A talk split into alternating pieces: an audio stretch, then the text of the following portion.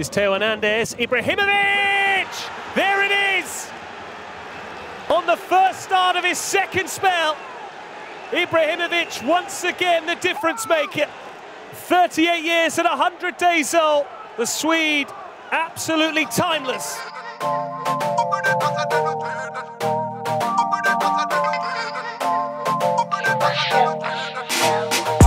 Varmt välkomna till årets första avsnitt. Vi är 13 dagar in i den första månaden. Och eh, varför tog det så lång tid för oss att börja det här året? Nästan två veckor. Ja, det har ju varit eh, uppehåll för de flesta ligorna. Okay. Men vi, kom, vi kom ju överens att vi inte tar lov eller uppehåll. Ja, men eh, ja, när du ändå säger så så kan vi nämna att du som eh, sköter IT-delen, du var ju bortrest ja, under en vecka där i England. Jag fick njuta av några fina matcher där. Precis, det är sant. Eh, därefter var det också uppehåll och eh, sen har det ju varit eh, ja, studion är inte alltid tillgänglig. Det är ju många röda dagar och så. Mm, så. Eh, vet, du, alltså, vet, vilka, vet vilka dåliga ursäkter jag brukar eh, säga när vi har haft ett lite längre eh, uppehåll? Jag brukar säga Uh, ja men kommer ni ihåg vilken omslagsbild vi hade förra gången? Vi hade Granit Xhaka, eftersom han blev utvisad var vi också utvisade. Har du någon nu också eller? alltså, min bästa var när vi, första gången, jag bara, vi hade ett avsnitt med Sami Nasri på omslagsbilden och sätter det tillbaks. Jag bara, ah, med Sami Nasri, när han taggar, vi taggar, vad ska jag säga? och jag tror senaste bilden vi hade var väl uh, Moise Keane. Så när han blev utbytt, vi blev utbytta. Ja. Vad ska jag säga? Så vi får ha Cristiano Ronaldo nu den här gången och starta alla avsnitt i, i år. Mm. Annars, hur har ert uppehåll varit? Ja, ganska skönt. Eh, lugnt måste jag säga. Mm. Skönt att det inte har snöat så mycket faktiskt. Mm. Eh, ändå ganska kallt men eh, mysat hemma för det mesta va? Inomhus. ja. Tamam då, kör igång. Det har ju hänt en del sist vi spelade in. Eh, bland annat har Zlatan eh, blivit klar för Milan och gjort sitt första mål. Eh, Dejan Kulusevski klar för Juventus men utlånat igen till Parma. Vad mer har hänt? Agüero slog dubbla rekord i helgen. Real Madrid vann Supercupen. Så vi har en del att prata om egentligen. Vart vill ni börja? Ska vi ta det mest färska då, eller? Ja, vi kan ju börja med gårdagen. Supercupen? Ja. Mm. Som Real Madrid tog. Eh, egentligen det vi, det vi kan nämna också är att det var en helt ny upplaga. Det förut var det ju vinnaren av ligan och vinnaren av kuppen som möts. Men den här gången så spelas, de har gjort en miniturnering om hela grejen, ni vet själva. Ett, eh, en kapitalistisk värld där man ska tjäna pengar på allt möjligt. Eh, turnering, miniturneringen spelas i Jeddah i Saudiarabien. Och man har gjort så att ettan och tvåan i ligan och finalisten i Copa del Rey eh, bildar den här miniturneringen då.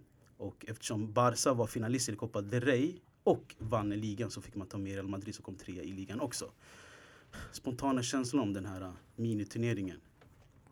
Jag tycker det är tråkigt. Men det är som du sa tidigare, man gör det här för inkomsten. Eh, att det är fler matcher som spelas, det blir tre matcher och det genererar mer pengar för alla klubbar och ja, lagen som är inblandade. Men eh, det ska inte vara så tycker jag. För jag tycker två lag som får vara med där och delta har egentligen inte förtjänat att få vara med i Supercupen. Och nu såg vi att finalen spelades ju av två stycken som egentligen inte hade någonting med det att göra. Mm. Och en av dem blev vinnarna. Exakt. Real Madrid som kom trea eh, i fjol ja. i ligan, vann. Och de åkte ut, jag tror Copa del Rey, alltså andra eller tredje omgången. Exakt, betydligt tidigare än vad Valencia och Barca gjorde i alla fall, som kom till final. Men de som gjorde den här turneringen i Saudiarabien, eh, de har ju gått plus på det här i och med att eh, Real Madrid är ju en av de största lagen i världen och jag tror många fans, alltså Real Madrid-fans finns i Saudiarabien. Och det genererar ju också pengar när de kommer dit. Och jo men jag läste, alltså jag läste typ att Real Madrid hade sålt 17 biljetter. Va? Till, till hela den här grejen. Så jag vet inte hur plus som egentligen gått. Men jag vet inte. Alltså jag tror du tänker på 17 biljetter från fansen som kommer från Spanien, kanske från Madrid. Mm, mm. Men jag tror fansen som är bosatta där, ja, ja. det var ju fullsatta arenor. Mm.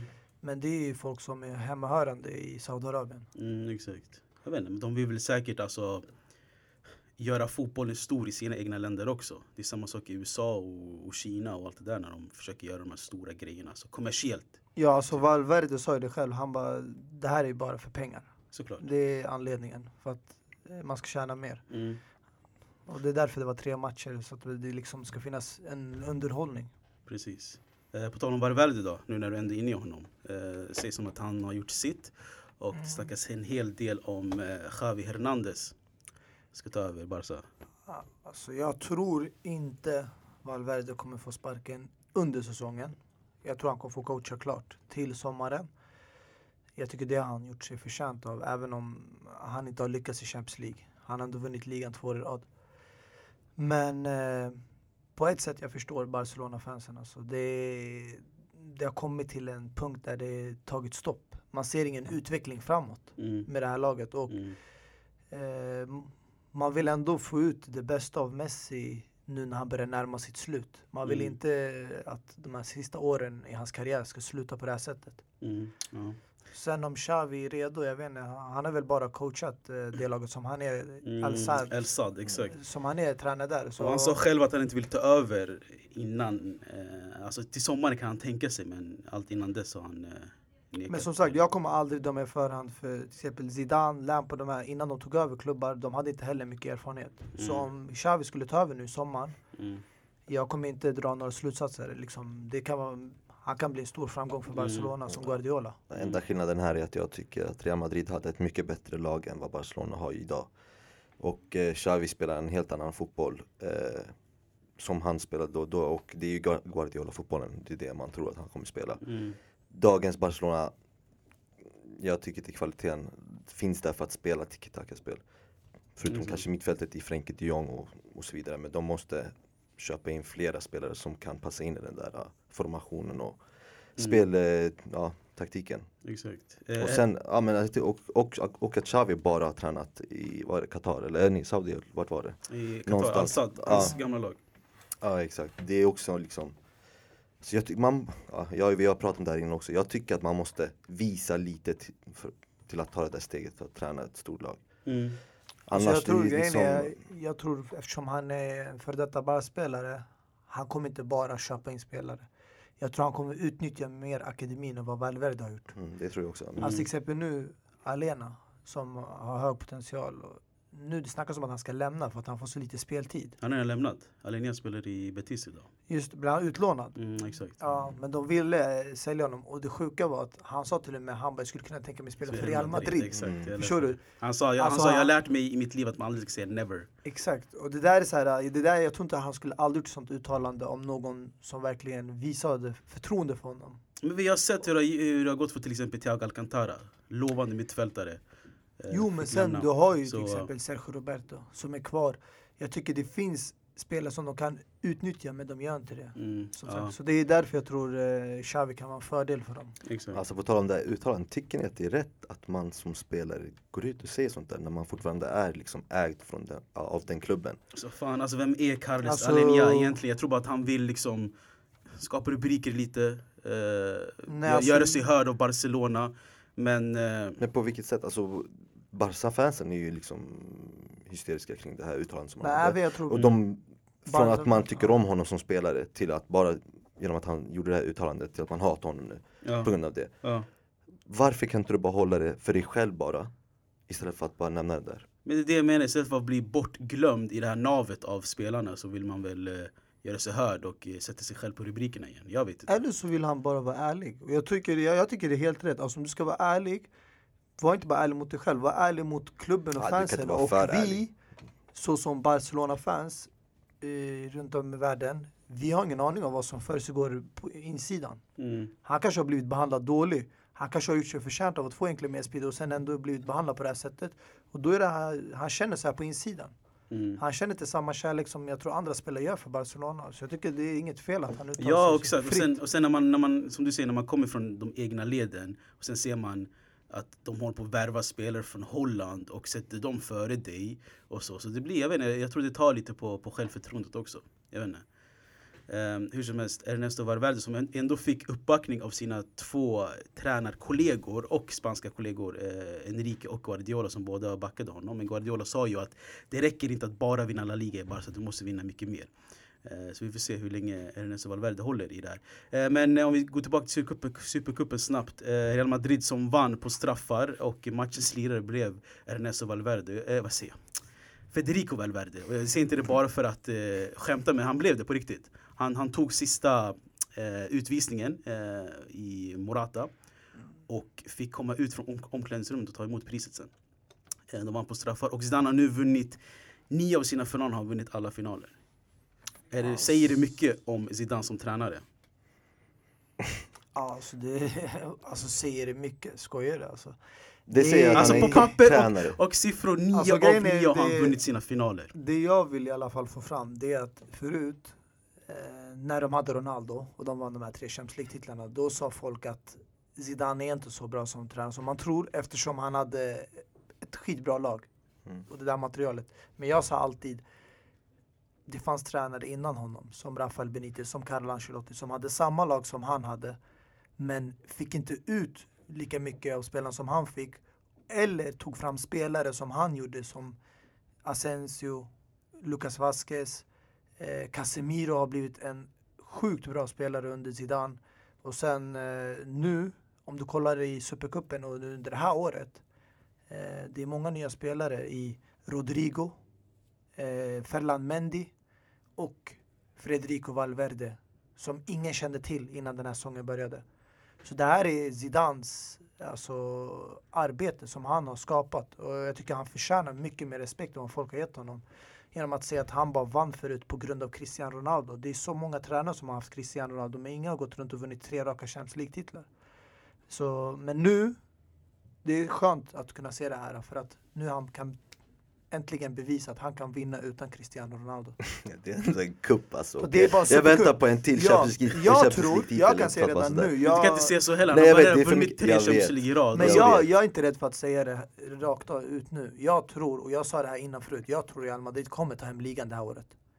Så, och sen kan folk kritisera. Folk sa i förhand, ah men Gareth Bale är slut, han kommer lämna klubben, han är än idag kvar. Benzema är slut, kolla vad han har gjort den här säsongen för att han var gammal. Folk påpekade att Real Madrid behöver byta ut halva laget. Marcelo, det behöver de inte alls göra. Jag ska inte ljuga nu, det här kanske är min personliga åsikt, men jag tyckte Luka Jovic var riktigt bra igår, även om inte han nätade. Mm, mm. Eh, han börjar komma igång nu och han har haft eh, skadeproblem. Men eh, absolut, Zidane. Alltså, vin- vinner Zidane eh, ligan i år i alla fall så ska han och han förtjänar cred. Det gör han. Även fast nu Barcelona har varit ett dåligt lag också. Men på pappret är de mycket bättre än Real Madrid. Eh, på tal om Barcelona, Suarez skadade sig också kommer vara borta i var det, fyra I månader. Fyra månader, precis. Så det Vem- kanske hjälper Zidane på vägen till titeln men eh, Vem, Oavsett vem, så- men, men vem går in där och ersätter då? Alltså Dembélé är väl skadad så Griezmann kan inte spela där på centralen. Alltså, Blir det det- Carles Perez som nätade mot kära Inter som eh, får ta en startplats? Alltså nej, alltså jag, tror, ja, jag, jag tror Messi kommer glida in där i mitten och vara den Mm. här äh, falska nian. Ja, Och sen har man Griezmann och någon annan på den andra kanten. ja. Så det, det är väl så det kommer bli. Alltså jag tror de, Och de skulle det, behöva göra en tillfällig värvning. Ja, exakt. Sen En det- lösning, för de pratar ju redan nu att man ska värva in någon tillfällig ersättare, kanske någonting på lån. Eh, och sen skämtade man att man hoppas inte att det blir ännu en Boateng-värvning. att det blir någonting av bättre kvalitet. Inte. Mitt tips till Barcelona-fans, jag skulle säga ta hem Pedro. Få ut det sista av honom hans sista år. Mitt, mitt tips är att ta hem Paco Alcacer igen, skulle inte ha släppt honom. Ja, Det- det också faktiskt. Ja. Men att, eh, ja, Mm. Dortmund skulle kanske vilja, Han säger att han vill lämna också. ja, speciellt nu efter eh, Halland-värvningen. Mm, exakt, det är sant. Ja, det är ändå sjukt att vi snackar om Spanien när det inte har varit några span någon spanska matcher så i, i, i helgen. Det har bara varit Copa del Rey också. Men jag tycker vi går vidare med de andra rubrikerna som vi har snackat om. Vi fortsätter på det här sydamerikanska anfallsspåret då. Från en uruguayansk anfallare till en argentinsk anfallare. Sergio Kun Agüero som slog dubbla rekord igår. Han blev eh, den bästa utländska målskytten. Gick förbi Thierry Henry med sina 176 mål nu. och flest hattrick i ligan gick förbi Alan Shearer. Jag tror han tangerade. Kanske han gjorde 12 Ja, hattricks. Jag Precis. tror Alan Shearer också har 12. Men han har flest som utländsk spelare. Ja exakt, han gick förbi till Henry, men han tangerade Alan Shearer. Mm. Precis. Hur bra är Agüero? Jag vet att vi har snackat om honom en hel del, men hur bra är han? Alltså för mig har han alltid varit nummer ett av eh, centrala anfallare. Eh, många har liksom andra favoriter. Benzema, Cavani, Lewandowski, Suarez. Men för mig, alltså Agüero har alltid varit nummer ett. Men det känns som att nu han levererar varje år. Att man, det, är så här, det är vanligt. Man förväntar sig av honom det. Så folk nämner inte honom. De kommenterar inte när han gör någonting wow. Det är så här, ah, men det här är Agüero yani. Ja, men det han har gjort det så grejen är- länge nu i City, han har varit där så många år att man blir van att det här är vad han ska göra och förvänta sig. Så det är, man, man borde egentligen ge honom mycket mer cred. Han förtjänar mycket mer cred och eh, han hyllas inte tillräckligt mycket. Det är för att folk eh, har tagit honom för givet. De tänker det, är, ja, det här är Kun Agüero. Ja exakt, men det känns ju som att han, alltså han spelar nästan aldrig sina 38 matcher i ligan. Han blir alltid roterad. Men ändå är han där och gör mål och gör sina hattricks och slår rekord. Så det är, jag vet inte, det är lätt att glömma bort Agüero. Men sen när han väl spelar så är han helt eh, fenomenal. Du säger att han är nummer ett, men om du får Guardiola säger han att, han är, att Messi är nummer ett. Ja men alltså och han, jag och sen pratar frågar man. Messi ingen anfall, han bara, jo Messi är nummer 10, 11, 6, 4, det spelar ingen roll. Nummer ett överallt. Men självklart när jag säger nummer ett, jag menar, jag exkluderar Messi och Ronaldo. Mm. Jag tänker på de här som har centrala rollen, inte som har en fri roll. Mm. Men om du kollar till exempel nu det här året. Benzema har fått väldigt mycket hype för att han har blivit den här otroliga målskytten sen Cristiano lämnade. Lewandowski har fått otroligt mycket cred för det han gjort det här året. För att han har gjort så många mål. Man nämner sådana här spelare för att de är inte jämna. Mm. Men Kun Agüero är jämn varje år. Att man nämner inte det. Det blir en vana. Ja, men det här ska vi se varje vecka, varje månad, Mm. varje år av honom. Mm. Så det är därför jag rankar honom mycket högre. För att eh, folk har tagit honom för givet och han är underskattad. Alltså, det- jag, tycker, jag tror inte det är bara det det handlar om. Alltså, jag- de andra som du nämnde har också en jämn nivå, de har haft en jämn nivå. Skillnaden är att de här sp andra spelarna förutom Agüero, de, är typ, de står i centrum. Alltså laget är beroende av, den här, av just de här spelarna. Och jag tror inte, det är klart Agüero, man är beroende av honom också. Men jag tror inte att City är så pass beroende av Agüero som Alltså jag tror Kevin De Bruyne är mycket viktigare än Agüero till exempel. Och i andra lag som Bayern München, man är beroende av Lewandowski för det finns ingen annan Lewandowski i Bayern München till exempel. Mm. Mm. Eller Harry Kane, förutom ja, Harry Kane har varit dålig i år men annars, de är beroende av hans mål, det är därför de ligger där de är idag. Mm. Uh, Agüero, nej du kan lägga in eh, Gabriel Jesus, eller inte ens han, du kan köra någon annan där istället, Raheem Sterling eller vem som helst. Mm. De kommer också göra jobbet. Exakt. Och Jag, jag, alltså jag tycker det är en definition på en eh, storspelare som du säger att man förväntar sig liksom att han ska göra de här grejerna. Att man, det är en definition av en stjärnspelare. För att man inte ska behöva du vet, hypa när han gör ett eller två mål. Han har gjort hattrick och ingen du vet, snackar mycket om det. Men det är Och inte en- bara det alltså. Du kollar på spelartypen. Alltså, oftast anfallare de är målgörare. Mm. Men Agüero är en av få centrala anfallare som kan göra bort sin spelare som en ytter. Han kan springa. Kommer du ihåg det här målet mot United? När han sprang runt hela straffområdet. Han gick förbi två, tre spelare. Och sen satte den nättaket. Så det där mål jag ser inte av Benzema och eh, Lewandowski. De blir Mm. ofta serverade. Nickar in den, petar in den. Mm.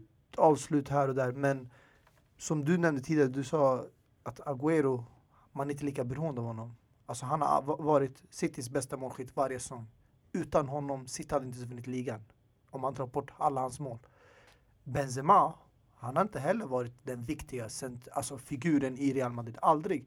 Det har varit Cristiano Ronaldo, det har varit eh, Marcelo har varit en viktig, det har varit eh, Sergio Ramos, eh, Modric, alltså Toni Kroos. Alltså jag, jag skulle ranka många över Benzema, men han får ändå credit när han väl levererar. Även om inte han är en av nyckelspelarna i laget.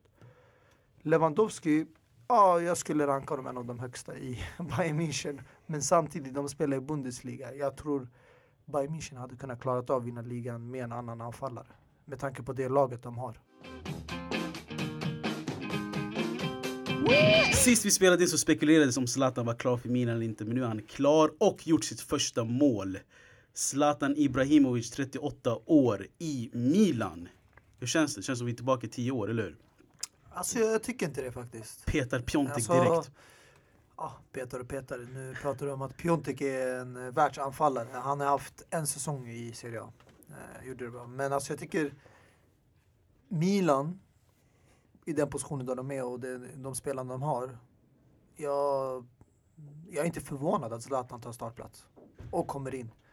Sen däremot att han kommer kunna klara av att spela 90 minuter varje match, det är en helt annan sak. Men spela i den här åldern, det känns som att Serie A är en liga som man kan klara av om man jämför med de andra toppligorna. Om inte man vill spela i Frankrike eller Holland. Men om du jämför med Spanien och England, de här, du kan kasta in en Quagliarella.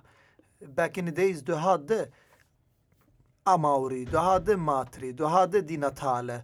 Alla de här var äldre, alltså gamla när de spelade. Totti spelade fram tills han var 40 tror jag. Mm. Så det är inte omöjligt att spela i den här åldern i Serie A. Med tanke på tempot, det är det Ja, jag menar. Man klarar av det. Och det är därför jag tror Zlatan, när han tog det här beslutet, han kände inte bara sig redo, han kände, vet du vad? Det här kan, jag kan klara av att spela det här. Sen om han kan fortsätta i mer än ett halvår, det får vi se. För att Milan, om de skulle nu ta en femte eller fjärde plats, målen är högre nästa år. De ville Mm. ta en högre placering och då är då frågan om han kan hålla i, liksom igång i den nivån. Mm. Men, Nej, men det är det som du säger, alltså, jag tror i, i de andra ligorna, speciellt Premier League, vi snackade om Agüero nyss också, det är mer dynamik där. det mer är högre anfall- tempo. Anfallen måste vara mer dynamiska och Mm. i Italien, det, de håller ju kvar den här äh, traditionella niorna och anfallarna får, du vet, behöver inte jobba hem så mycket, de är kvar där uppe. Så jag tror det blir enklare för Zlatan också att spela ut sig som en anfallare i, i Milan. Ja, alltså om, om vi ska vara ärliga, om du kollar på de bästa lagen nu i Premier League, Liverpool och City, det är bara snabbhet där framme. Det är Sterling, Agüero, Leroy Sané, eh, Mm. eh, Kevin De Bruyne och där har du Mané, Salah, Firmino. Alltså det är Mm. bara alltså, Ja, det är, det är snabbt. raketer. raketer. Precis. Exakt. Men eh, alltså Zlatan, vad, vad för approach som han kommer in med? Alltså jag såg ju första matchen mot Sampdoria när han kommer in, kommer in i 55 Jag minuter. tycker han det gjorde det typ. bra. Ja, jag menar, jag menar alltså, det, alltså jag tror Zlatan kommer in med en lugnare approach. Han är mer jordnära, han är mer du vet familjär. När de frågar han till exempel eh, om hans tröjnummer, han bara ah, men familjen valde, eh, vi valde numret tillsammans. Så han känner sig mer lugnare och kommer hem. Och sen sa han även att de frågade varför tog du inte nummer sju? Jo, för att jag vill visa att jag är tre gånger så bättre än. Serie A's nummer sju. Aha, okej, aha. Exakt, det Han- var därför han tog 21. Tre gånger sju är 21. De, ja. Ah, Det är samma sak när han tog eh, tian i eh, United. Han hade ju nian innan och Lukaku frågade bror får jag ta nian eller vad händer? Zlatan bara ja jag är bättre än nian nu, jag har levlat upp mig. Så. Men eh, alltså jo, grejen är han är inte lika du vet aggressiv i planen längre. Nej, det är inte bara det, alltså jag, jag hör vad du säger och det, det är en ny Zlatan som man inte har sett förut faktiskt. För han är ju som du sa, alltså, han brukar komma in och vilja ha nummer 9, nummer 10, alltid de här bästa numren och kommer in för att vara den bästa spelaren. Jag känner inte att han kommer in med den, med Inställningen den eller? inställningen och energin. Alltså, jag, tror, jag tror inte heller Milan har förväntat sig det också, att vi hämtar Zlatan för att han ska vara vår bästa spelare. Eh, jag tror mer att det handlar om att han ska komma dit och eh, försöka få medspelarna och liksom ja, men, vet, ha, ha det bättre mentalt och kriga för laget och han är ju en sån där, alltså om någon inte gör något bra, om någon inte tar jobbet hem eller om någon bara gör något fel, då är Zlatan den första som är där och Ja men liksom till exempel eh, första matchen i Sampdoria, Soso till exempel. Mm. Alla inlägg träffade första spelaren. Ingen kom ju fram till ens boxen. Mm. Så i sånt läge så skulle, skulle Zlatan liksom eh, ryta och, och, och säga ifrån liksom. Vart är mina bollar? Men jag tror han är också själv medveten att dagens Milan, han spelar inte med, eh, idag alltså nu, det är inte samma Milan som han spelade med förut, det är inte samma kvalitet. Så jag tror inte han har heller lika höga förväntningar. Men jag tror som Abba sa också, jag tror den största faktorn till varför man värvade Zlatan, det är för det han hämtar med sig i omklädningsrummet. Mm, han är en mm. vinnarskalle. Det finns väldigt få vinnarskallar i dagens Milan. Han är vinnarskalle, han har en annan mentalitet. Han kommer höja moralen i laget. Lyfta upp spelarna så att de spelar också bättre. Alltså om du spolar tillbaka bandet när han spelade Milan förut. Det fanns spelare som eh, Paul, eh, Andrea Poli, tror jag det var, Nocerino. Sådana här spelare som idag, ingen vet vart de är. Mm. De, de är inte alls världsklasspelare, mm. men när de spelade i det laget, Milan med Zlatan, så vann de ändå ligan. Mm. Kevin Prince Boateng, de, här, de var alla, han, alltså han är en sån typ av spelare som han sprider att, eh, bra aura. Han gör att spelarna lyfter på sig och blir mycket bättre och presterar. Alltså mycket mer än vad de gör i vanliga fall. Mm. Så jag tror också det är en bra grej att det finns också spelare, inte bara tränare, som kan påverka spelare på det sättet att de når ut sin fulla potential. Ja, Det är som planen, vi såg ju, alltså, ni såg när han gjorde till exempel målet hur alla bara sprang till honom och Mm. det finns bilder också på hur Leao typ Kolla på honom. kollar på honom så, alltså ja, som att han vill äta upp honom men alltså det är så här, ja man älskar honom helt enkelt där i Milan just nu och eh, alltså vad kommer det här leda Milan till? Jo, lite förbättring i tabellen men inte mer än det. jag Ja, säga. alltså jag tror det är otroligt viktigt och otroligt underskattat som du säger Mustafa att uh, omklädningsrummet, han, han kommer med en helt ny aura. Man såg ju skillnad direkt när han kom in i första matchen med Sampdoria också, som spelat på ett helt annorlunda sätt. Och eh, alltså, det man får tänka på också när Zlatan spelade i Milan så var det Milan som alltid kämpade om eh, scudetton och de var där där uppe. Så jag tror Zlatan kommer ha en, alltså, det kommer vara svårt för honom att ställa om sig och komma till ett Milan där man där de flesta spelarna är glada för att komma fjärde plats. Inte det. Samtidigt som spelarna måste du vet, eh, spela upp sig bara för att, jag vet det kommer bli en... Alltså om du tänker efter ändå. Zlatan innan LA Galaxy spelade för United. Och United, låt oss vara ärliga, de var i samma sitt som Milan är idag i. Det var den här, vi kämpar för att kvala till Champions League, inte för att vinna ligan. Topp fyra var målet, som det är för Milan idag. Så jag tror inte det är en ny situation för honom. Och om du jämför United och Milan, det är ändå jämlika klubbar. Så jag tror att det här, han kom in med förväntningen att målet är topp fyra. Eh, Det är det som, uppnår vi det, då har vi lyckats den här säsongen. Mm, mm, Så det är den inställningen jag tror han har och klubben. Det enda jag tycker är lite synd är att deras tränare, dagens tränare, inte kanske någon som Zlatan har varit coachad tidigare eller spelat med. Hade Mm. de haft Gattuso, som han har spelat sida vid sida, jag tror de hade klickat mycket Ja, mer. jag tror det hade varit en otrolig duo där med Gattuso och Zlatan. Eh, var där tillsammans. Men eh, jo, såklart när, när, det- när Zlatan är tillbaka i Europa och gör mål så ska det alltid snackas på landslaget också. Och det gjordes ju direkt och Janne kommenterade det och sa att jag har inte uteslutit någonting heller. Och Zlatan fick frågan, eh, skulle du tänka en, en, en eventuell åt comeback till landslaget? Och han sa, jag tar allt i sinom tid. Men han sa nej efteråt. Han bara nej jag kommer inte, jag har gjort mitt där. Alltså, Men tror ni verkligen att han har gjort sitt i landslaget? Ja, 100 procent. Ja, 100%. alltså efter, eh, inte bara efter alltså, de här uttalandena mellan han och Janne tidigare. Eh, jag tror Sverige har gått vidare Mm. med det laget de har. Jag tycker de har byggt ett bra lag. De visade det i EM-kvalet. Jag tycker de ska fortsätta Ja, han på samma själv, spår. han sa ju själv de spelar bättre utan mig. Mm, plus att ja, jag vet att det kanske inte är här många svenska fans förväntar sig höra men jag tror Zlatan känner sig mer hemma och mer kärlek i Italien än vad han gör i Sverige i 100%. nuläget. 100%. Det enda jag väntar på det är att det är bara en sak jag väntar på. Det är en tidsfråga innan han skaffar en italiensk medborgarskap. Han har varit där så många år. Han har väl det tror jag till och med. Italien eh, gick ju till och med ut, jag vet inte om det var premiärministern eller någon, någonting, kanske i Milano också, jag vet inte, men där de sa att de, vill, de kan skicka upp statyn till vet du, Italien, Ja. Milano och ha den där Ja, istället. Ja, ja Alltså, så pass stor är han. exakt. Och här i Sverige kan man inte ha i hans hem, hemstad. Nej det är sjukt alltså. Det är sjukt. Och på tal om statyn där. Eh, nu har man tagit bort den helt. Mm. För den blev ju vandaliserad helt. Eh, Mm. De kappade foten på ja, den och... på Ja. alltså, man eh, slog ner den. Alltså det är helt sjukt. Jag tycker det är lite synd eftersom eh, även om han har, han är uppväxt i Malmö, han har historia där. Eh, jag tycker spelarna som investerar sina pengar ska själv få välja vad de vill göra och jag tror det finns också framtida mål. Mm. Man investerar inte bara i vad som helst. Och då, om du kommer från en ort eller från en stad där det går skitigt för lagen eller de har inga framtidsvisioner, Mm. inget intressant projekt. Ska du bara investera för att det är din hemstad och Mm. förlora dina pengar? Eller investerar du i någonting intressant där du ser potential? Nej, alltså hela den här statygrejen bara, vi, när vi ändå är inne i den här. Det började med att när Zlatan presenterade sig själv som en Hammarby-spelare som många trodde först. Det var bara den bilden med tröjan på. Och då gick det, det var kaos. Sen kom det ut med att han var 25% delägare i Hammarby.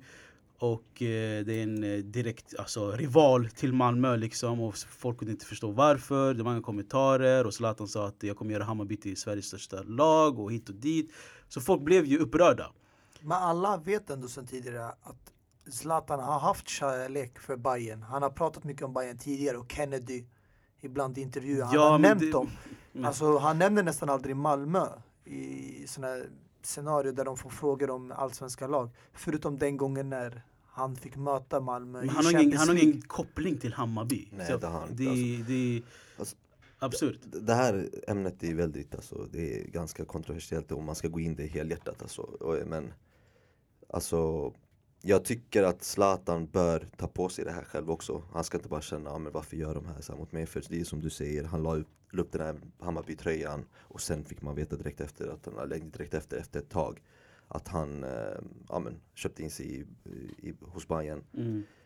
Och jag förstår inte varför han liksom gick ut med det här direkt efter de tog upp den här statyn. Mm. Kunde inte han väntat lite och, och liksom chilla? Jag, jag tror inte, alltså Jag tror ju att de skulle liksom, ja men, ja, men kasta det är lite med- skit ja. på den där statyn och sådär Men jag tror inte att det skulle vara så pass stort och så, så mycket vandali, vandalisering som det har skett nu Om han, vet du, det, om han hade chillat lite med Men det finns ju också bakomliggande orsaker. Alltså, vi alla vet Zlatans uttalande om landslaget och det här med ungdomar som kommer in i laget med utländsk bakgrund. Mm.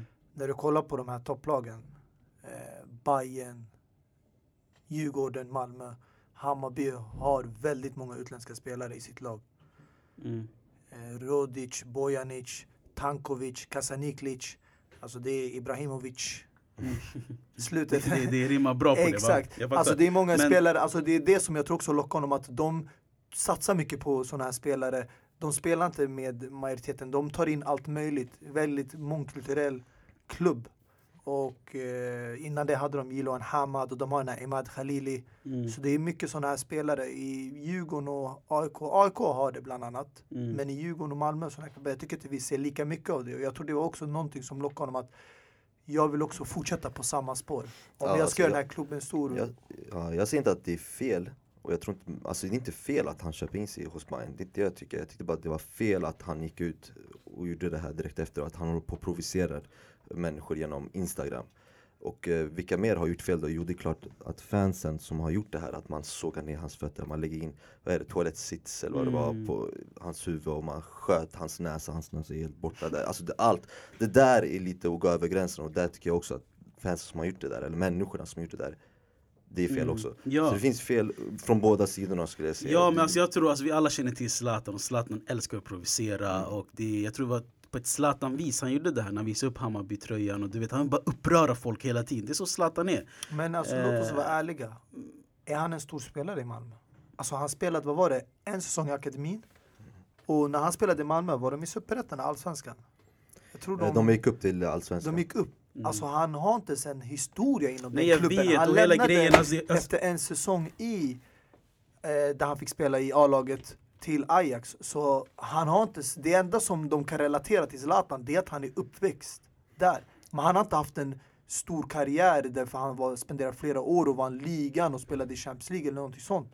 Så inom klubben, jag förstår inte varför egentligen den här reaktionen är överdrivet. Det är, Nej, men det så är här, världens bästa, eller Sveriges bästa spelare genom tiderna Ja. och han kommer från Malmö, han är född och uppvuxen i Malmö Han kom upp från deras eh, liksom, lag, Malmö FF Och det var där han fortsatte sin karriär Men till att bli en av världens bästa fotbollsspelare. Nej men jag tror, jag, tror inte, jag tror inte han har de bästa erfarenheterna från Malmö heller. Han blev såld eh, du vet, billigare än vad han skulle vara och hela den historien och så.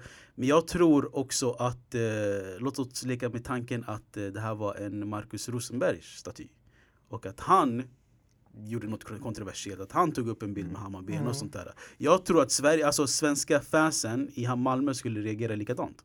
Tror du? Jag tror det. För, eller till och med värre, för att Marcus Rosenberg är en eh, större spelare i Malmö än vad Zlatan var. Det är nummer ett. Och de har gjort en staty av honom också tror jag. Ja, det jag kan hålla med dig om Eh, att han är större spelare. Precis. Och sen tror jag också att man får inte glömma att svenska fansen här i Sverige, eller svenska fansen här i Sverige, det är klart jag snackar om Sverige när jag säger svenska Mm. fansen. Men att de är väldigt passionerade när det kommer till fotboll. De är väldigt, alltså liksom ultras. Fotboll är liksom det viktigaste för dem. Och du vet, eh, fansen är ju mer lojala till själva klubben än själva, du vet, eh, alltså så lojala. Så jag tror egentligen ingen skulle komma under lindrigt. Alltså, jag... Och sen kan man ju absolut snacka om att det är Zlatan är Zlatan och så, men jag tror alltså fansen skulle reagera på, på ett likadant sätt. Vilken spelare skulle det ha varit ändå? Alltså. Alltså jag håller med dig till en viss punkt, men hade Zlatan haft en, eh, samma typ av historia med klubben Malmö som eh, Rosenberg. Jag tror eh, inte Rosenberg hade blivit behandlad lika illa som Zlatan. Om han hade gjort samma beslut och investerat i Bayern.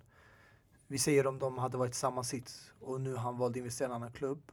Eh, då tror jag att Rosenberg, de hade inte vandaliserat, alltså de hade inte reagerat så starkt som de gjorde på Zlatan. Mm. Det är just det här att Zlatan, att han är störst i Sverige, den största atleten, inte bara fotbollsspelare.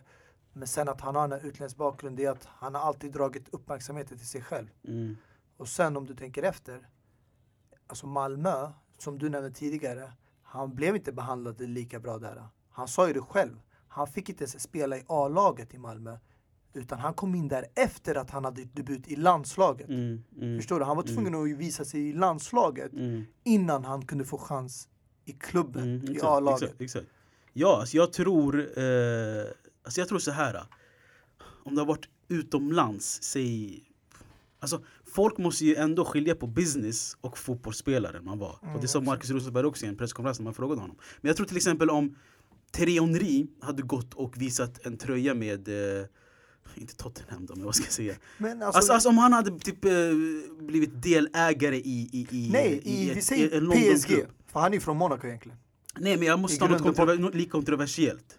Ja men Så det är något det. Alltså, engelskt lag. Det är för han har en staty i, i, i London, i Arsenal. Jag tror inte de skulle ha rört Henrys eh, staty i England. Men du för måste det- förstå en grej. Att statyn i Malmö, det är inte för Zlatans tid i Malmö som klubb. Det är för Sverige som nation. För Mm. landslagsspelaren han har varit. Thierry Henry, det är inte för spelaren han har varit för England. Det är för klubben Arsenal. Det är en skillnad mellan det. Men de har så, så, så mycket större, de har större klubbar i England. Där ibland klubbarna är större än själva landet, själva landslaget. Förstår du vad jag menar? Ja men alltså det enda anledningen man la statyn i Malmö det är för att Zlatan är därifrån men statyn är ju för det svenska landslaget, Jag fotbollsförbundet förstår. han representerar. Man skulle lika gärna kunna sätta den utanför Friends Arena. Mm. Nej, det enda jag säger är jag tror eh, i utomlands, fansen utomlands, de respekterar dina, sina spelare så mycket mer än vad man gör här i Sverige. De sätter Sveriges bästa spelare genom tiderna en toalettring Mm. på hans, på hans huvud. Det, det går inte att vara mer respektlös än det. Förstår du vad jag menar? Så jag tror, jag vet inte, det, det är många känslor här och jag tror eh, han hade inte blivit behandlad så här i Italien i alla fall. Omöjligt. Eller något annat land. Alltså, den, den där slutsatsen kommer vi aldrig kunna dra. Mm. Ja, det, det är hypoteser of course. Men Nej, jag menar alltså, bara... jag tänker med tanke på hur många klubbar han har spelat för Italien. Skulle du sätta en staty Juventus, då hade Milano-fansen attackerat Hade du satt en eh, staty å andra sidan, då, då skulle folk börja ifrågasätta vem representerar statyn. Är det Inter eller är det Milan? Därför ska jag lägga centralt i Italien bara. Låt alla ta del av eh, det. När vi ändå inne är i Italien och eh, svenskar i Italien kan vi kort nämna också Dejan Kulusevski som är klar för Juventus. Spontana reaktion. Det gick så snabbt alltså. Det var nyss man kände till honom i Parma. Han bara, aha, är det Parma? Han är från BP. Aha, han är utlånad från Atalanta och sen helt plötsligt är han klar för Juventus. Det, det gick så snabbt. För, för, för ett år sedan visste vi knappt vem Dejan Kulusevski var. Det var ju en dragkamp mellan Inter och Juventus om eh, Kulusevski och eh, jag trodde faktiskt personligen att han skulle komma till Inter. För eh, jag förstår faktiskt inte den värvningen av Juventus. Och jag förstår, eller jag förstår värvningen av Juventus men jag förstår inte varför Kulusevski skulle vilja gå dit. För det finns så många spelare i det laget. Och jag tror att det kommer bli väldigt svårt för honom att ta en plats och även om han nu skulle spela så skulle han spela som en rotationsspelare. Han kommer aldrig spela som start, det tror jag inte. Och visst, man kan, man, han är ung, man tänker framtid men jag tycker att han har visat så pass mycket i Italien just nu att han inte, och att han är ung. Han ska inte gå till, till ett lag och vara en rotationsspelare. Han ska spela ett lag där han kan spela match in match ut hela tiden. Och jag tror inte Juventus är den klubben för honom. Jag tror däremot inte kanske hade han haft en chans att kunna spela alltså, varje match. Och så tror jag också att han skulle passa i, in i Contes system. Jag vet inte hur han ska passa in i Sarris det, ja, det, är, det är lite, lite så man känner men jag, Alltså jag, jag, jag ska inte säga att jag är chockad eller så, men jag förväntade mig att det skulle bli en värvning så här tidigt. Eh, redan i januari. Jag trodde i alla fall eh, han, det skulle kanske bli en dragkamp i sommaren som tidigast. Eh, det har gått väldigt fort och jag tror oavsett om han går till Juventus eller inte, jag tror det är lite för stort kliv för honom så här tidigt. Jag tycker han borde gett sig själv lite mer tid att utvecklas, spela lite mer, kanske gå till eh, mellanstadier som en klubb som kanske Lazio eller Atalanta där han har större sannolikhet att få spela mer och kommer få mer speltid. Nu att han valde en toppklubb på en gång. Han har satt eh, mycket press på sig själv så det gäller att leva upp till det. Eh, annars kommer han hamna utanför och då känns det som att man går ett steg bakåt i karriären. Mm. Men det, ja, jag håller med dig om det där alltså. Och eh, varför han blev såld. Vad tror ni? Varför tror han blev såld nu? Alltså jag tror Juventus EU har ju massa spelare på lån. Alltså otroligt många. Så jag tror alltså de vill bara alltså, ta åt sig de här spelarna och sen låna ut dem. Så jag tror han kommer bli en Paduin eller han kommer bli en eh, spelare som jämt blir utlånad Men hela å tiden. andra sidan, Eh. alltså jag kan förstå, alltså om ett så här stor klubb kommer och knackar på dörren. Det är inte varje dag man får sån erbjudande. Det är Exakt. svårt att tacka nej och bara, men vet du vad, det är jag, inte, jag är för ung eller jag är, för, jag är inte redo, jag kanske ska gå till en annan klubb. Nu finns det egentligen, vi kan dra paralleller där, Halland. Han hade erbjudanden från både Manchester United och Juventus. Och han tackade nej till båda för att gå till Dortmund. Så han var ändå klok nog att göra ett beslut att veta det kanske inte är bra att ta det där steget direkt. Jag kanske ska ta ett mellansteg där jag vet att jag kommer få mycket mer Men det roliga, speltid. det roliga United har blivit det mellansteget nu för tiden. Det är inte det här Ja, steget men fortfarande, direkt. just problemet är att United är en klubb med mycket högre förväntningar än Dortmund. Så Ja, jag jag kommer in, kolla nu på Martial och de här eh, Pogba, det är så mycket press för de har köpts in för stora summor. Så när de inte lever upp till det så hackar alla fansen på dem. I Dortmund kanske du ändå får lite andrum. Mm. Kanske göra några matcher utan att leverera. Och sakta men säkert komma in i laget. Och sen sa ju Marco Reus, jag har aldrig sett en sån liknande spelare sedan Robert Lewandowski. Så det blir intressant också. Men på tal om Kulusevski, alltså Atalanta så kunde ju, alltså många pratar om att de kunde haft kvar honom, eller han kunde varit kvar i Parma till sommaren och vem vet, Atalanta har ju blivit bra, alltså de blir ju bättre och bättre. De skulle till och med kunna ta tillbaka honom. Men jag tror att anledningen varför Atalanta sålde honom till Juventus, det är för att han har gjort så bra det här första halvåret. Skulle han på något sätt skada sig nu andra halvan av säsongen så hade de aldrig kunnat sälja honom Mm, för de där 40 mm. miljonerna. Men inte bara skada sig, jag tror till och med om man hade haft ett lite sämre Eller halvår exakt, eller sämre. Exakt, även Dejan Kulusevski som person tänker låt mig ta det här steget Mm. nu för man vet aldrig när chansen kommer dyka upp igen för det är inte Men alltid alltså, man hur har ofta- såna här bra säsonger hela tiden som Men Dejan hur ofta Kulusevski har. tänker man sådär? Alltså då kan man lika gärna tänka, vet du vad, vi väntar tills slutet av säsongen. Om han fortsätter på samma spår, då kan vi sälja honom för ännu mer. För då kommer vi flera, Eller- la, det- flera det- lag. eller så skadar han sig, eller så Ja, jag vet, men det är inte ofta honom. man tänker så här, lyssna låt oss bara sälja honom så fort som möjligt innan han blir skadad. Jo, en klubb som Atalanta, absolut. Mm. Och 40 miljoner för någon som man köpte för några, inte några tusen men alltså inte, Mm. inte för ingenting egentligen. De, är, de har gått plus 40 miljoner. Mm. För en spelare som de inte liksom direkt, indirekt behöver. Exakt. Men alltså Så- jag vet, jag tror, jag är rädd att han kommer hamna i det här navet av Juventus spelare som gång på gång blir utlånade men jag hoppas inte det. Eh, och så. Vi får väl se hur det blir för Dejan Kulusevski. Med det sagt då, jag tycker vi avslutar eh, årets första avsnitt. Eh, och vi hoppas på att, eh, eller hoppas på, vi är tillbaka nästa vecka 100% Men innan dess, vi har några matcher att se fram emot i helgen. Eh, Real Madrid-Sevilla bland annat på lördag. Napoli-Fiorentina, Newcastle-Chelsea och på söndag stormötet Liverpool mot United. Mm. United som är det enda laget som har tagit poäng från Liverpool och det är ändå sjukt att jag, man skryter om det men så bra som Liverpool är är det en, ändå en, ett, en Bedrift. fakta och Ja, det är ändå en match bedrift också, att säga. det var en match också som egentligen United kunde ha vunnit också. Garanterat, Mm. garanterat. Eh, matchen spelas på eh, Anfield så vi får se hur eh, möslade United blir eller inte. Mm. Yes! Yes, Vi hörs någon gång nästa vecka då. Det gör vi säkert. Peace! Peace. When I wake up in the morning, love,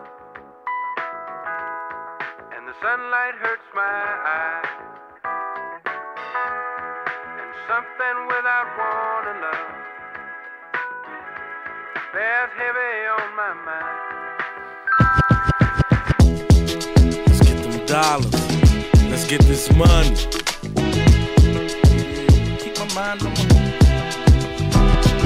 my mind on my money, money on my mind. I got my finger on the trigger, staying on the grind. And when I wake up in the morning, I got to hit a lick. Saw the 2003 night be on sprees with a kid. Soon as my eyes see the sunshine, my thoughts is juking the block and dodging the one time. Big power, we moving them rocks and with pounds of dope before I double my shit. I can serve 16 ounces for six and get back 96. A killer for the skrilla, nigga. Dust I be stalking, I got to get them bigger figures. Fuck what you talking, I represent them niggas ballin' with jewelry full of sickles. Down to the niggas chasing million that dream serving nickels. And I know one day I gon' come up, and when you see me, don't hate that I roll up. You pay whether you legit when you slang or tipping off cane. Until I take a dip in the range, I'm flipping them things. Gotta get that money, man. Just got paid, stack it up, be on my way.